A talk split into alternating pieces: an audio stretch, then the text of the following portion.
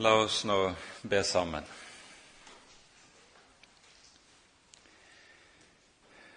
Ja, kjære gode Herre, trofaste Far. Så takker og lover vi deg at vi skal få samles i ditt hellige navn og om dine dyrebare ord igjen. Takk, Herre, at vi skal få lov til å tro og regne med at det er du selv som samler oss, fordi du vil ha oss i tale. Og Derfor ber vi også, Herre, at du vil komme til oss med din Hellige Ånd, at du vil gi lys i ordet ditt, og at du vil åpne hjertene våre, så vi også tar ordet til oss, at vi kan se og forstå dine ord. Herre, du har selv åpenbaret hemmeligheten om din Sønn i evangeliet om ham. Gjør oss, Herre, så små at vi stadig trenger dette evangeliet. Det ber vi for ditt eget navns skyld. Amen.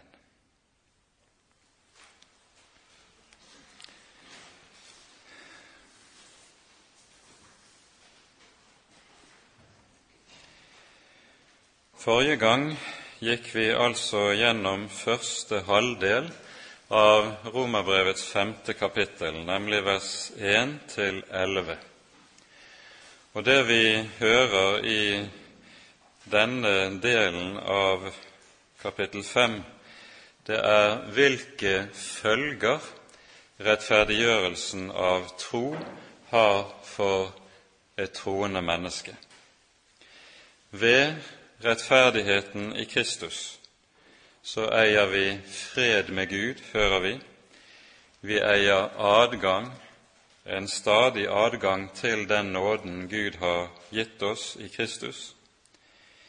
Vi skal få rose oss av håp, vi skal få rose oss av våre trengsler. Ja, vi skal få lov til å rose oss av Gud selv. Det er her tale om det en kristent menneske skal få lov til å hvile i, ha sin stolthet og sin ære i. Det er altså tale om de største og rikeste følger som rettferdiggjørelsen har for det kristne liv, for den kristne tro.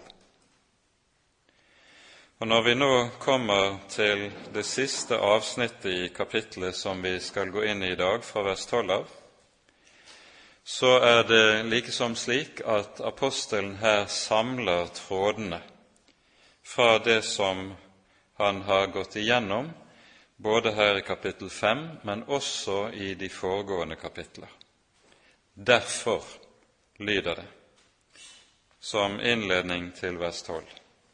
Dette 'derfor' det er ikke bare noe som uh, slutter seg til de umiddelbart foregående versene, men det samler opp i seg alt som er sagt i hele hovedavsnittet som går foran, og som begynte med kapittel 3, vers 21, der apostelen forkynner rettferdiggjørelsen av troen for Kristi skyld.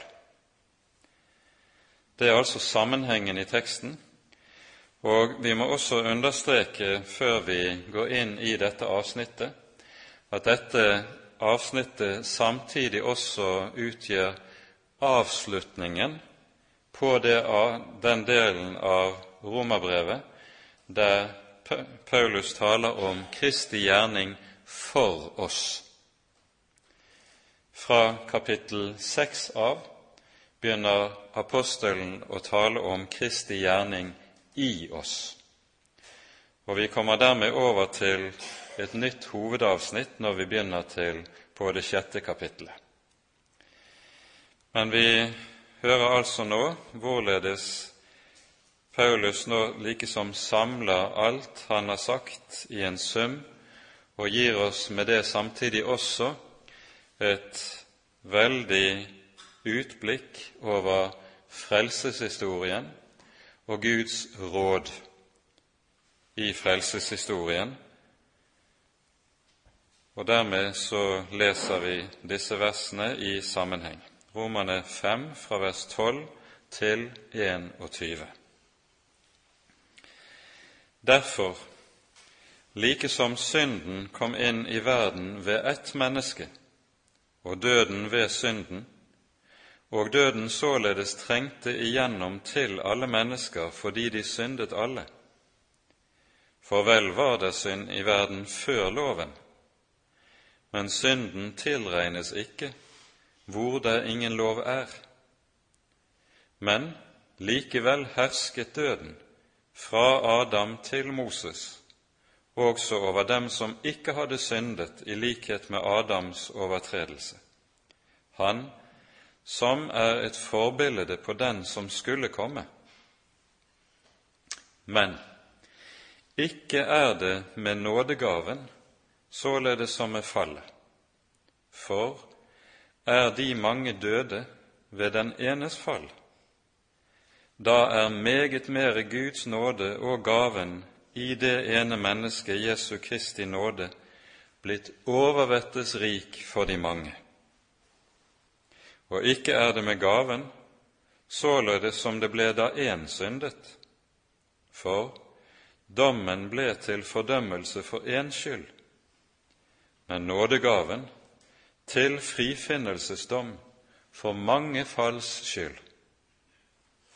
For kom døden til å herske ved den ene på grunn av den enes fall, så skal meget mer de som får nådens og rettferdighetsgavens overvettes rikdom, leve og herske ved den ene, Jesus Kristus. Altså, like som ens fall ble til fordømmelse for alle mennesker, således ble også ens rettferdige gjerning til livsens rettferdiggjørelse for alle mennesker. For like som de mange er blitt syndere ved det ene menneskets ulydighet, så skal også de mange bli rettferdige ved den enes lydighet. Men loven kom til for at fallet skulle bli stort. Men hvor synden ble stor, ble nåden enda større. For at like som synden hersket ved døden, så skulle også nåden herske ved rettferdighet til et evig liv ved Jesus Kristus, vår Herre. Dette er et veldig avsnitt som skal gi grunnlag for takk og lovsang for Guds barn i rikt mål. Når avsnittet innledes sånn som vi hører det, derfor likesom, så er det jo slik at her påbegynner Paulus en setning i vers 12 med ordene likesom, som han ikke avslutter ordentlig. Vi skulle vente at det skulle følge likesom så og så, da skulle også. Men det gjør han altså ikke. Setningen slutter av brått, men vi forstår tankegangen hans, for den følger på i vers 15 19, der vi ser at dette likesom, det er et likesom som stilles opp mellom Adam og Kristus. Poenget er at i frelseshistorien er det to sentralpersonligheter Adam og Kristus. Og det som er felles for disse, det er at det utgår en virkning fra den ene til de mange. Det er felles både for Adam og for Kristus. Fra Adam utgår det en bestemt virkning til alle mennesker. Og på samme måten utgår det også en virkning fra Kristus til alle, eller til de mange, som det står her. Poenget er at Adam og Kristus dermed, når det gjelder sin stilling og betydning i menneskehetens historie, svarer til hverandre. I det poenget er at det som gjelder den ene, gjelder alle. Og det er dette som er hovedsaken når vi taler om stedfortredelsen. Adam er, gjelder for alle i kraft av å være stedfortreder, og han gjelder for alle også i kraft av at han er stamfar. På samme måte med Kristus. Han er stedfortreder, og han er stamfar. Og Det som nå er poenget i det apostelen her skriver, det er jo dette at det som skjedde med Adam i opphavet, det er noe som kommer til å gjelde alle mennesker. Det er jo dette vi betegner med navnet arvesynd. Den synd som kjennetegner Adam, kommer til å gå i arv til alle mennesker, slik at Jesus kan si, som vi hører det i Johannesevangeliets tredje kapittel, det som er født av kjødet, er kjød. Altså, vi bærer med oss en arv som her benevnes ved hjelp av ordet kjød et uttrykk som Paulus kommer tilbake til, særlig i det åttende kapittel, og anvender meget klart på samme måten som vi hører Jesus anvende det. Og Da må vi være klar over at ordet kjød det er da ikke en betegnelse på det at vi er mennesker av kjøtt og blod, altså at det er en fysisk benevnelse. Men ordet kjød er en benevnelse på menneskets falne natur. Det, sikter til det at vi er som natur underlagt syndens herredømme. Det er det ordet kjød betegner. Og Derfor er alt som hører det gamle til, mennesket til, enten det er det som ligger i tanke, i hjerte, følelsesliv og sjelsliv, eller det gjelder kroppens liv, det er like mye kjød. Altså kjødet kan, slik som Det nye testamentet tenker, meget godt være åndelig. Men det er og forblir kjød like fullt. Så vær oppmerksom på denne språkbruken i Det nye testamentet her. På samme måten hører vi det sies i Efeserbrevet i det annet kapittel, der det tales om mennesket som også fra fødselen av er underlagt syndens makt. Dere er alle døde. Altså, det er en benevnelse som anvendes om det falne natur. Vi skal straks komme tilbake til det. Og så følger det og vi var av naturen vredens barn. Altså slik som vi er etter vår naturlige fødsel, så er vi underlagt Guds dom og Guds vrede. Og det er det apostelen også understreker i det vi her leser. Like som synden kom inn i verden ved et menneske, og døden ved synden, og døden således trengte igjennom til alle mennesker, så viser jo apostelen med dette til det vi leser i syndefallsberetningen. Her sier Herren til våre to første forfedre Dersom dere eter av det tre som står midt i hagen, treet til kunnskap om godt og ondt, da skal dere visselig dø.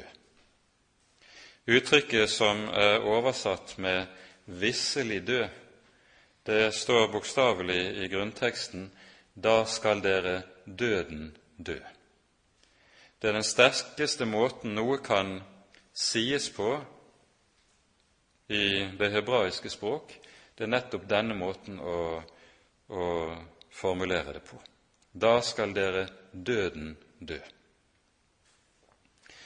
Og så skjer jo dette som heter syndefallet, og døden kommer inn som den uavvendelige følge og konsekvens av fallet. Og Det vi da skal merke oss, er at når Bibelen slik taler om døden, så taler den om døden i trefoldig betydning. For det første taler den om det vi kaller for den åndelige død. Det vil si at mennesket slik som det er av naturen, det er død overfor Gud, det vil si det mangler enhver forutsetning i seg selv til åndelig liv og til å gjøre det som er til Gud, Guds behag. Du kan ikke si til et menneske som er dødt, som ligger på båre, nå må du løfte armen din. Rett og slett fordi det er ute av stand til det. Det mangler forutsetningen for det. Det har ikke liv. Og like lite kan det naturlige mennesket gjøre det som er Guds vilje og Guds behag, fordi det er dødt. Mennesket er ikke halvdødt, så det kan gjøre litt av det som er Guds vilje. Og så må det få kraft, bare få litt kraft og litt bistand og hjelp til å gjøre det Gud sier. Nei, slik Bibelen altså taler om det, så sier det mennesket er dødt. Det er dette som er temaet i Efeserbrevets annet kapittel. Dere var jo døde ved deres overtredelser og synder, står det. Men Gud har ved sin store miskunnhet gjort dere levende i Kristus Jesus. Altså i Kristus skapes et nytt liv. Den åndelige død er overvunnet, og det nye livet sammenlignes dermed i Det nye testamentet med det å stå opp fra de døde. Det er et like stort under, det. For det andre så brukes begrepet død i Bibelen i betydningen legemlig død. Det er jo den betydningen eller benevnelsen vi vanligvis bruker i dagligtale. Den legemlige død kommer også inn i verden ved Adams fall. Hadde Adam og Eva ikke falt, så skulle de ha gått så å si direkte fra dette jordiske liv inn i herligheten, uten å måtte gjennom død og grav og der påfølgende oppstandelse. For det tredje så taler Bibelen om døden i betydningen den evige død. Det som ellers kalles for fortapelsen.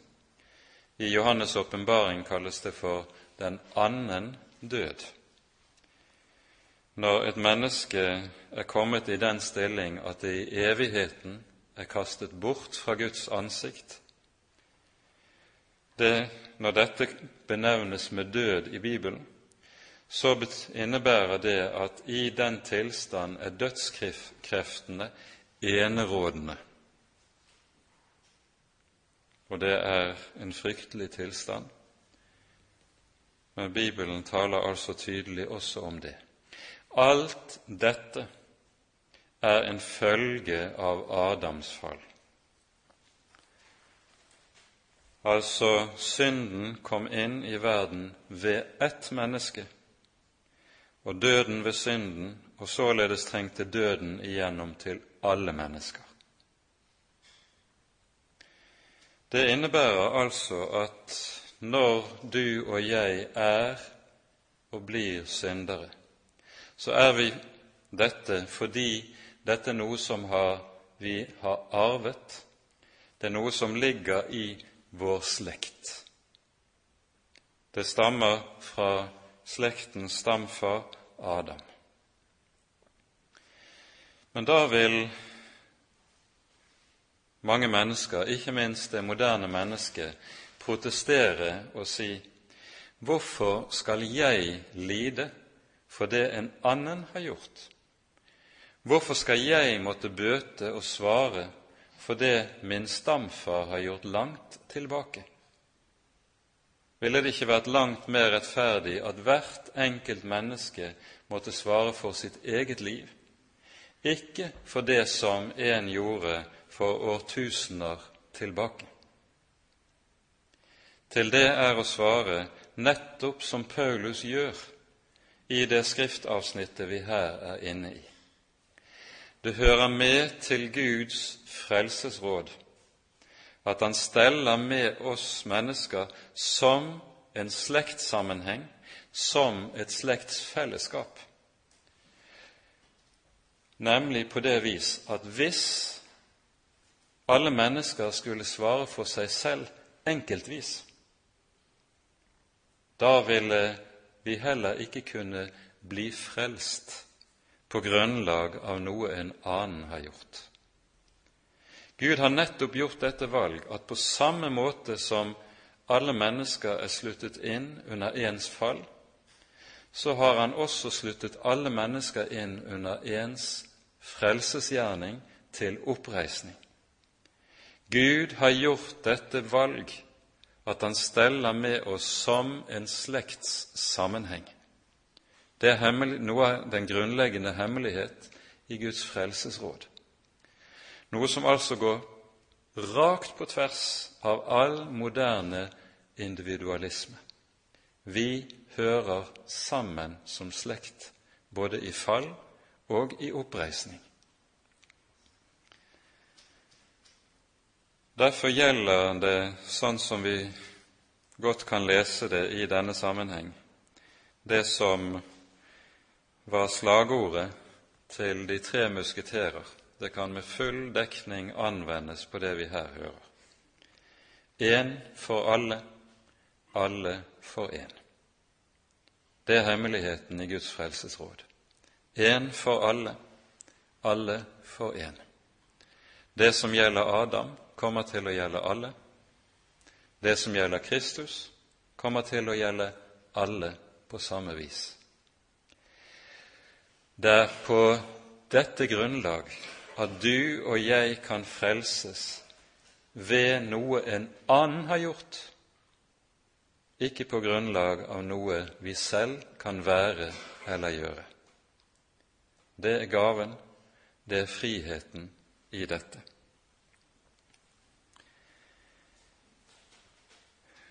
Nå er det jo slik at når det er tale om Guds dom, for døden er jo uttrykk for Guds dom, så er det, dette noe som alltid henger sammen med at Gud har gitt en lov. En lov der han sier hva som er rett og godt, hellig og sant. Og Når Gud dømmer, så gjør han det på grunnlag av sin lov. Guds dom er aldri vilkårlig. Tvert om. Gud dømmer på grunnlag av lov og rett. Og Derfor reises spørsmålet som vi hører i vers 13 og 14. Hva da med den tid i historien som var mellom Adam og Moses, altså den periode som var før loven ble åpenbart? Jo, understreker apostelen, nettopp her ser vi aller klarest hvordan dette, denne sannhet som vi har vært inne på, kommer til syne. Alle er innbefattet i Adam. Alle. Det står der også før loven ble åpenbart. Så kommer han tilbake i slutten av kapittelet til spørsmålet hvorfor ble så loven åpenbart? Vi kommer tilbake til det når vi kommer dit. Men når vi så kommer til vers 15, så går apostelen over til å peke på at selv om Adam og Kristus svarer til hverandre, står i den samme stilling i forhold til menneskeheten, så er den virkning som utgår fra disse to, stikk motsatt. Fra Adam utgår det synd, fra Kristus rettferdighet. Fra Adam utgår død, fra Kristus liv. Fra Adam utgår dom og fordømmelse, fra Kristus frelse og frikjøpelse. Og dette er det som er det store i dette. Vi hører i slutten av vers 14 at Adam skulle være et forbilde på Han som skulle komme. Og nettopp denne forbilledestilling er gitt i dette at de svarer til hverandre i betydning overfor menneskeheten. Men så sies det altså men ikke er det med nådegaven, således som med fallet. Disse to er stikk motsatte. Nå merker vi oss først her hvordan ordet nådegave er brukt. I våre dager er man jo vant til å bruke dette ordet i betydningen de ekstraordinære åndens gaver. Det er det som kalles for nådegave. Men her i romerbrevet så ser vi at Paulus har en annen språkbruk. Nådegave er betegnelse på frelsen. Det greske ordet for nådegave er charisma, og det betyr nettopp noe som gis for intet. Og slik kan apostelen altså bruke dette ordet som benevnelse på frelsen som gave. I parentes merker vi oss også med det at når dette begrepet også da brukes om Åndens gaver, så gjelder det derfor også om Åndens gaver at det er slike gaver som gis for intet. Det er ikke noe som et menneske kan arbeide seg opp til gjennom fromhetsøvelser eller lydighet eller innvielse og hengivelse og slike ting. Langt ifra. Det gis for intet, og i dag er det ikke minst viktig å være oppmerksom på akkurat det. Men det er i denne sammenhengen en parentes. Vi hører videre i vers 15.: Ikke er det med nådegaven som med fallet, for er de mange døde ved den enes fall, da er meget mer Guds nåde og gaven i det ene mennesket, Jesu Kristi nåde, blitt overvettes rik for de mange. Her skal vi legge merke til et par viktige ting. Først til grammatikken. Når det står Guds nåde og gave i det ene mennesket, så vil dette grammatisk helst best kanskje kunne gjengis slik da er meget mer Guds nåde kolon, nemlig gaven i det ene mennesket Jesus Kristus. Det er det som er meningen i uttrykkssettet til apostelen her. For det andre så merker vi oss at Paulus her bruker ord og uttrykksmåter som på en måte peker på at det han her vil holde frem for de troende, det er at det som gis ved nåden i Jesus Kristus, det er så stort, så rikt, at ord like som vanskelig strekker til for det. Vi hører flere ganger i sammenhengen der brukes uttrykket 'meget mer'. Og så tales det om den overvettes rikdom, et uttrykk som også gjentas et par ganger i dette tekstavsnittet. Noe som peker på nettopp det at frelsen i Jesus Kristus, det er ikke noe fattigslig eller noe spartansk. Men det å komme inn i denne frelse, det er å komme inn i en veldig rikdom, en usigelig rikdom på herlighet og fylde, som vi bare har ett problem i forhold til som Guds barn, og det er at vi er så blinde som vi er. Vi ser så lite. Det er derfor apostelen ber sånn som han gjør i Efeserbrevet i det første kapittel. Vi hører han ber for menighetene. Han ber om at Gud må gi dem hjertets opplyste øyne, så de må se, se hvor rik på herlighet Hans arv er for dem som tror, hvor stor på kraft Hans makt er for oss som tror osv. For dette er jo nettopp vårt problem. Vi har det med fordi at vi er sånn som vi er, så retter vi stadig blikket mot oss selv. Vi ser på vår egen kristendom, vårt eget kristenliv. Vi ser kanskje på kristenlivet i den forsamling og menighet der vi er, og vi syns det ser så puslete ut. Det ser så fattigslig ut, det vi har hos oss selv. Og det er sant. Ser du på deg selv, så er det puslete.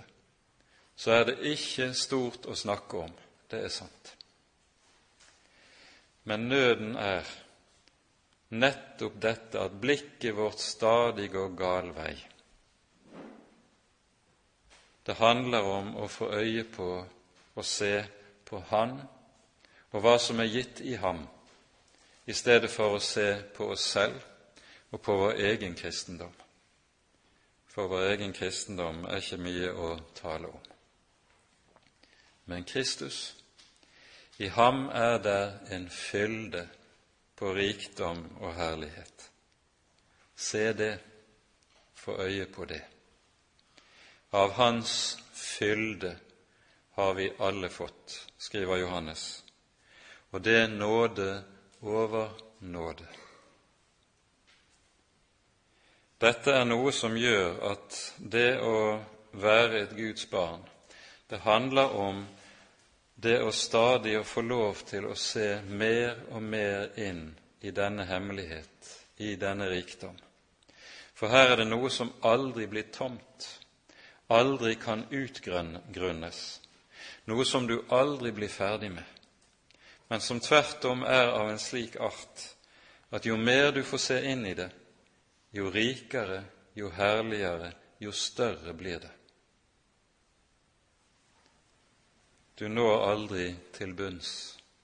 Tvert om, det er motsatt. Og så er det altså apostelen bruker denne typen uttrykk når han vil beskrive hva det er vi har fått i evangeliet om Jesus. Så fortsetter apostelen med å peke på hvorledes det vi altså hører nå i vers 16 og 17, understreker noe som er uhyre betydningsfullt, nemlig at her ser vi jo med, i og med at Adam og Kristus settes opp mot hverandre, så er det tale om hvordan det som Adam forbrøt, blir gjort godt igjen og blir gjenreist. Men det vi da skal være oppmerksom på, og det er dette Paulus vil understreke i det vi her hører, det er at frelsen i Jesus Kristus er ikke blott og bart en gjenopprettelse, sånn at man så å si kommer tilbake på samme nivå som Adam var før syndefallet. Nei, poenget i det apostelen her skriver, det er at det er noe langt mer og noe langt større enn bar, blott og bart gjenopprettelse. Hvorfor er det slik? Det henger sammen med hvem det er som har gjort det som her er gjort. Vi hørte i vers 15 Guds nåde og gave i det ene mennesket, Jesu Kristi nåde. Her understrekes det det som er viktig i hele sammenhengen, at når Jesus seirer over synd og død, så gjør han det nettopp som menneske. Det var et menneske som brakte elendigheten inn i verden. Og så er det et menneske som også må beseire all den elendighet, synd, død og forbannelse som er kommet inn ved det første mennesket. Ja, det er sant. Men samtidig er det da også slik at dette menneskets gjerning også er Guds gjerning.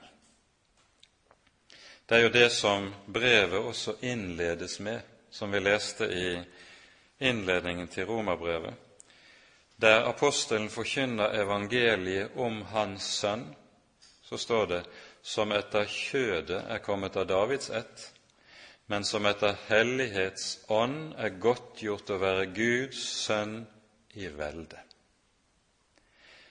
Dette menneskets gjerning er samtidig også Guds gjerning.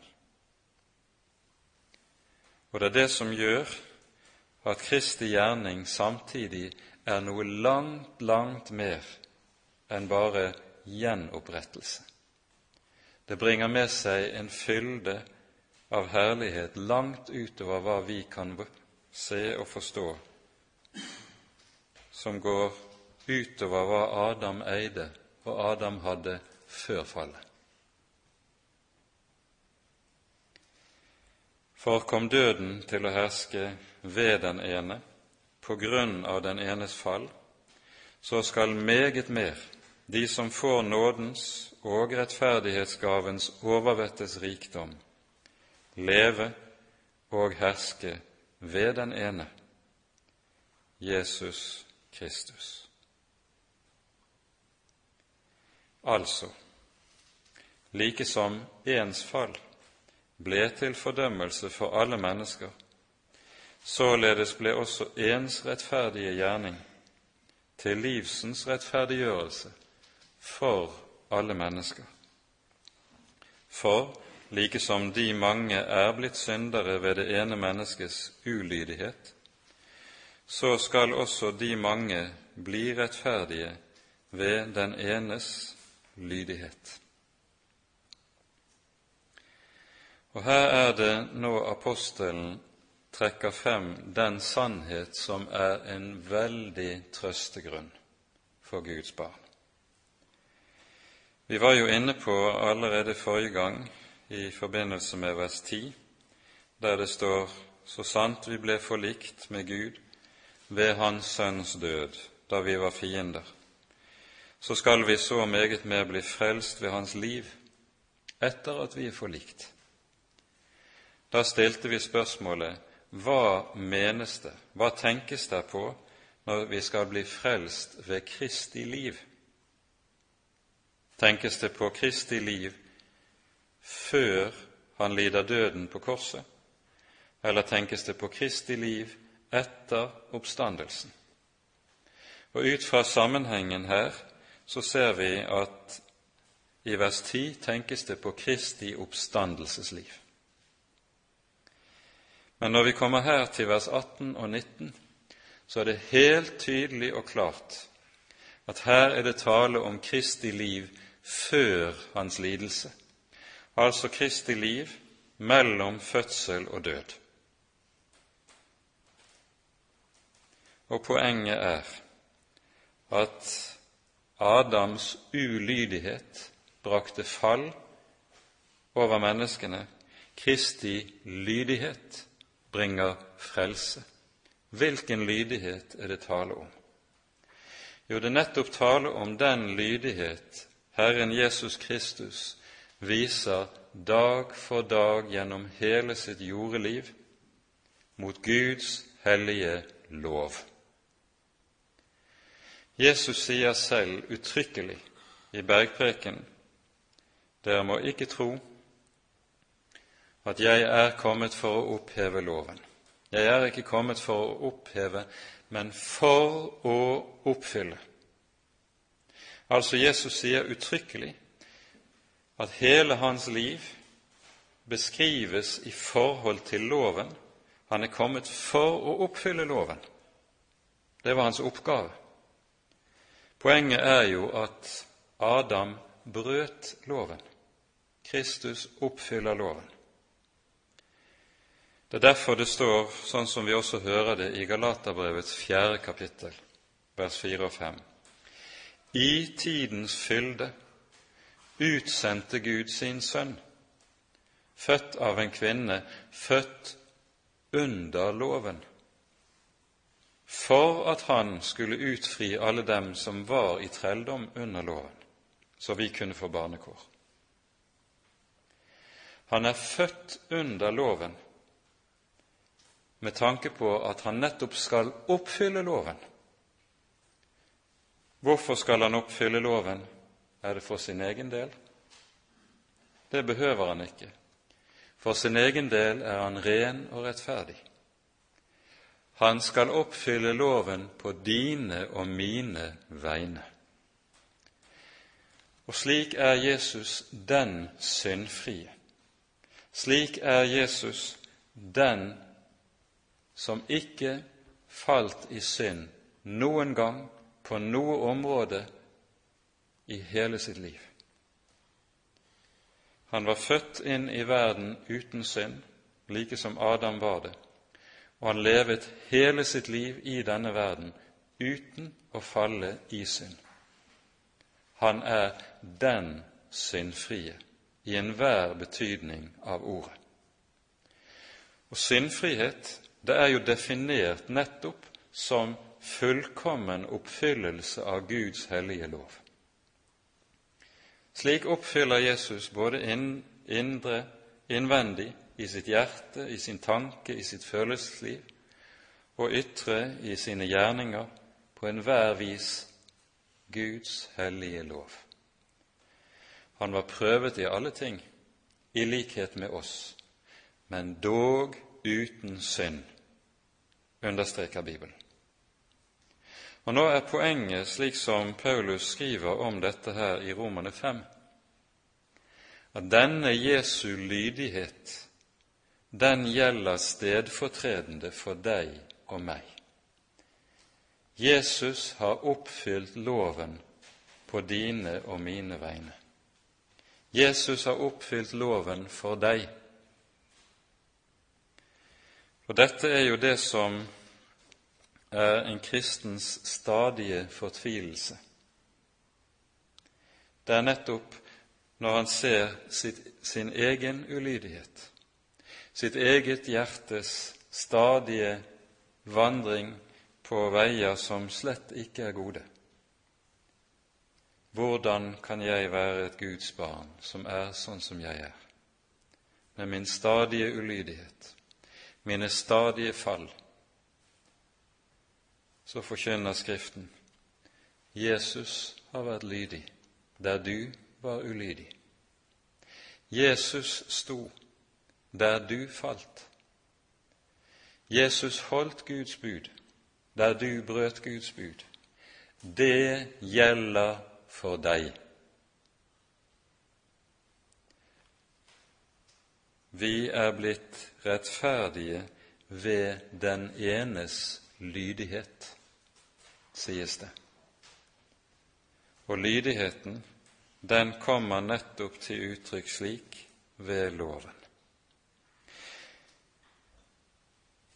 Det som vi her er inne på, det er det som er den grunnleggende betydning av en uhyre viktig fortelling i evangeliene den vi leser nemlig i Matteusevangeliets fjerde kapittel, der vi hører om når Jesus blir fristet av djevelen. Dette står som inngangen på og innledningen til Jesu gjerning som vår frelser. Jesu offentlige gjerning som vår frelser begynner jo med at han døpes i Jordan. I Jordan kommer Guds hellige ånd over ham. Det er her han salves med Guds ånd til sin gjerning som Messias. Og hva er nå den første gjerning han skal gjøre som vår Messias, som vår frelser? Det er en gjerning som ikke er offentlig. Ingen mennesker er vitne til hva som her skjer. Når vi vet hva som her skjer, vet vi det utelukkende fordi Jesus altså i ettertid har fortalt til disiplene hva som utspant seg der i ensomheten i ødemarken. Og hvorfor har Jesus fortalt dette som ellers ville vært under lokk i lønnkammeret? Jo, fordi det har slik en veldig betydning. Poenget er nemlig at når vi leser beretningen om Jesu fristelse, så er det jo den vanligste måten å lese og forstå denne på at her er Jesus vårt forbilde. Han er forbilde, og så må vi, når vi blir fristet, prøve å etterfølge ham og gjøre som han gjorde. Og For så vidt er jo det sant nok at det skal vi, men det er ikke det som er poenget i denne teksten. Poenget i denne teksten er at her prøves Jesus på nøyaktig samme måte som Adam ble prøvet på i hagen. Den første Adam prøves i hagen i begynnelsen og faller. Den siste Adam prøves i ødemarken. Han fristes også av djevelen og seirer.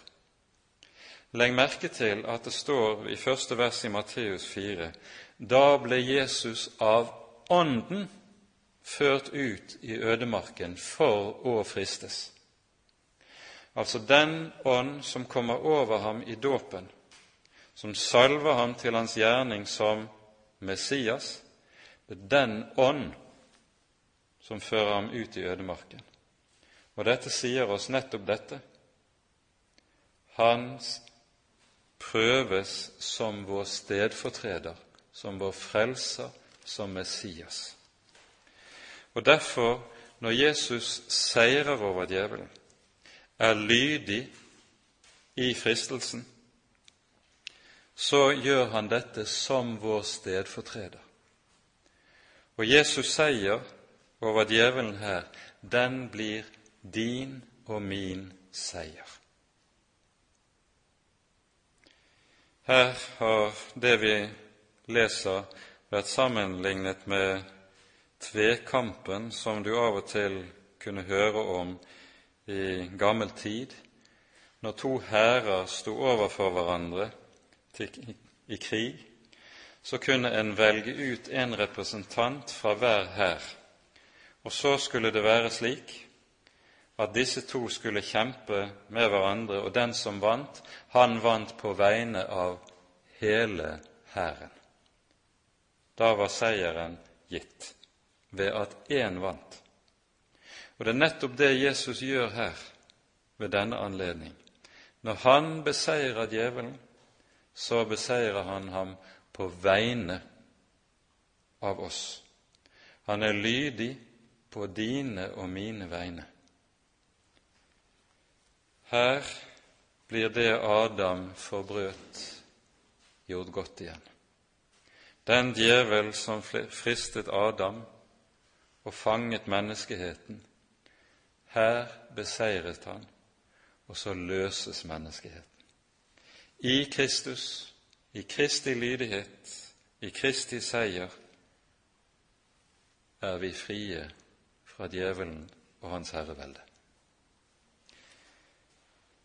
Og når det da står i det siste verset i fristelsesberetningen da forlot djevelen ham, og se englene kom til ham og tjente ham, det gjelder om ethvert Guds barn som hører Jesus til.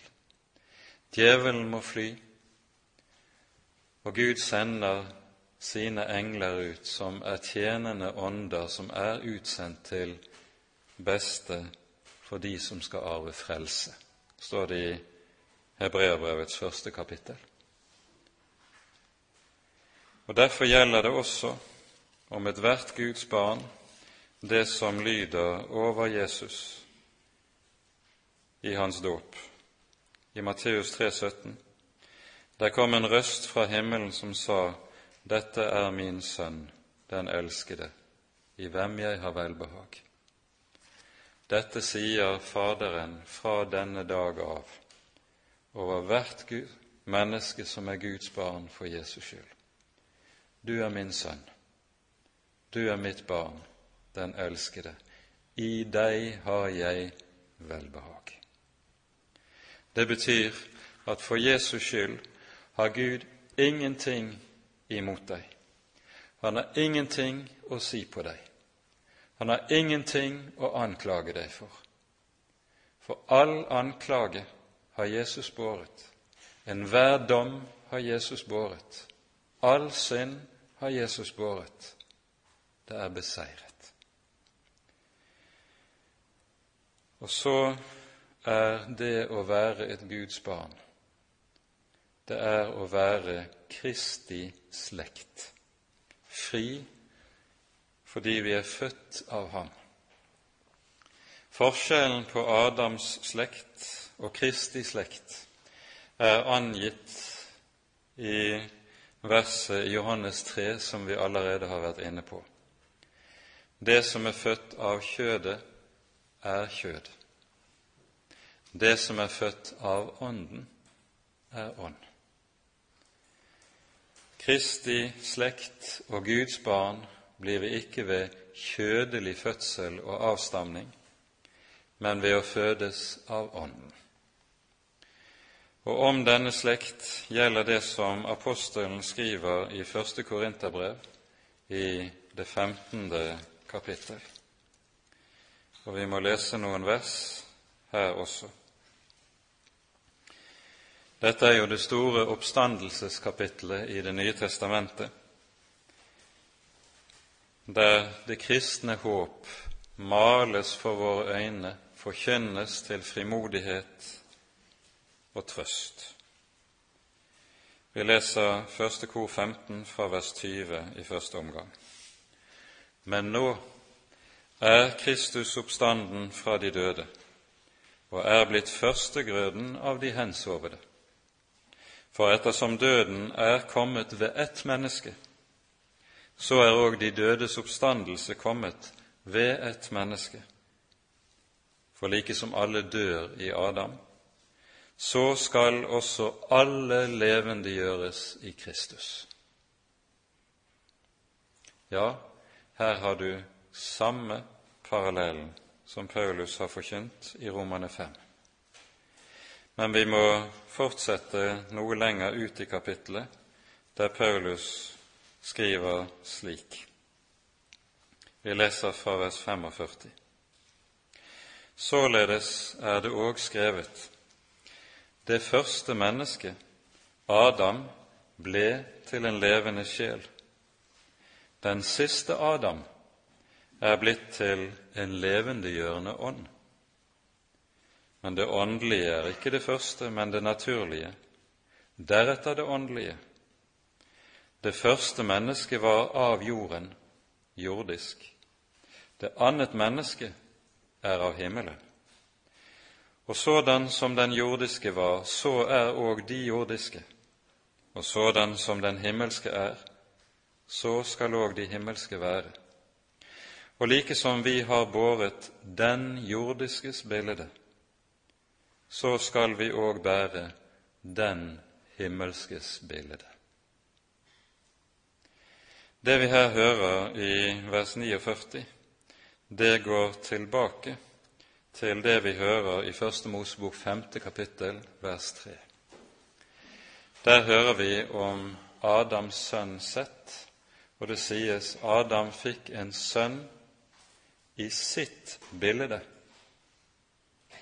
Først sies det at han selv er skapt i Guds bilde, men så fødes altså Adams sønn i Adams bilde. Og så forkynnes det like som vi har båret den jordiskes bilde, så skal vi bære den himmelskes bilde. Det beskriver hvorledes frelsen handler om at Guds bilde gjenreises når et menneske kommer til tro på Jesus.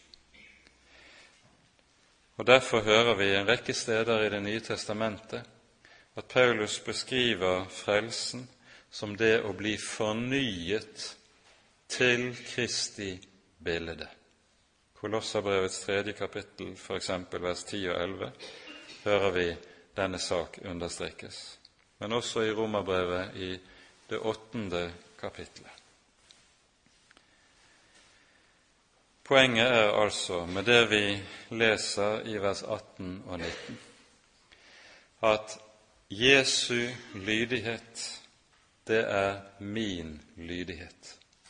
Jesu oppfyllelse av loven er min oppfyllelse av loven. Og det dette innebærer, det er at det ikke bare er Kristi død som var noe som skjedde til beste for deg og meg, men også Kristi liv er til beste for deg og meg. Han døde for deg, og han levet for deg. Og så er din og min rettferdighet for Gud, hva er det? Den består i Kristi oppfyllelse av loven. Derfor bærer han navnet som vi hører hos profeten. Jeremia 23, vers 6, så sies det om den kommende Messias. Dette er det navn han skal kalles med. Herren, vår rettferdighet. Vår rettferdighet overfor Gud er en person, Jesus Kristus. Og Jesaja 53, i det kapittelet som taler aller sterkest om Han som er vår stedfortreder, så sies det i vers 11 slik:" Derved at de kjenner Ham, skal den rettferdige rettferdiggjøre de mange. Han kalles Den rettferdige. Det er en tittel som anvendes på Herren Jesus flere steder i vår bibel. Han kalles Den rettferdige fordi han er den som har oppfylt Guds lov til punkt og prikke. Og så skal han rettferdiggjøre de mange ved at vi kjenner ham. Altså det å få lov til å bli et Guds barn for Jesus skyld, det er det som gjør et menneske rettferdig for Gud. Intet annet, intet mindre. Og så kommer det til slutt en oppsummering. Men loven kom til for at fallet skulle bli stort. Men hvor synden ble stor, ble nåden enda større for at like som synden hersket ved døden, så skulle også nåden herske, ved rettferdighet til evig liv, ved Jesus Kristus, vår Herre. Det Paulus her skriver om loven og lovens betydning, det er altså en erkjennelse som hører hans liv til som kristen. Som fariseer tenkte han jo stikk motsatt om lovens rolle. Loven var gitt for at synden skulle bli mindre. Loven var den gaven Gud hadde gitt menneskene for å knekke syndens herredømme i våre liv, i våre hjerter. Her sies det i stedet loven kom til for at fallet skulle bli stort. Paulus beskriver nærmere hva som ligger i dette i det syvende kapittel, så vi kommer til å komme tilbake nærmere til dette i den sammenheng. Men ganske kort skal vi bare peke på at det Paulus her understreker, det er den samme sannhet som uttales i første kor 15, vers 56, der det sies syndens kraft er loven. Det innebærer at der loven får plass i et menneskes hjerte, der får også synden herredømme, får synden kraft i et menneskes liv og hjerte. Vi bruker jo av og til en talemåte der vi sier 'forbuden frukt smaker best'. Vi kan smile litt, kanskje, men akkurat denne satsen det er en sats som sier noe meget grunnleggende om hvordan det falne mennesket er. Det har nemlig det med seg at nettopp det å gjøre imot Guds hellige lov, det er noe som smaker oss langt, langt bedre enn å søke å være lydig. Det beskriver hva, hvordan hjertet er beskaffent i og med fallet. Samtidig ligger det også i dette det som apostelen var inne på i det tredje kapittelet i Romerbrevet, der han taler om hvordan loven er gitt for å åpenbare synden og hva synden er. Uten loven vil mennesket ikke kjenne seg selv. Men der loven kommer inn, der vil mennesket få et sant og rett kjennskap til hvem han er, nemlig hvem han er i Guds øyne. Loven er slik et erkjennelsesmiddel. Et erkjennelsesmiddel som gjør at jeg ser sant på meg selv. Et erkjennelsesmiddel som gjør at jeg får bruk for frelsen. For uten at loven får komme inn og gjøre denne gjerning, så vil intet menneske ha bruk for eller trenge frelsen. Man spør ofte i kristen sammenheng i våre dager hvorfor er det så få som søker til Guds hus? Hvorfor er det så få som søker frelse? Ludvig Hope ble en gang spurt om noe av det samme og svarte fyndig slik.: Gi kyrne salt, så vil de også ha vann. Og slik er det. Gi menneskene Guds lov, forkynn loven, så vil de nok få bruk for frelsen. Men der loven ikke forkynnes, der har mennesket heller ikke bruk for Jesus. Der tenker man vi er gode nok, vi har ikke behov for noen frelser. Men der synden blir stor, der blir nåden enda større. Der er det at Jesus blir stor for et menneske. Det er jo dette vi ser malt for våre øyne i fortellingen i Lukas 7, der Jesus er hos en fariseer.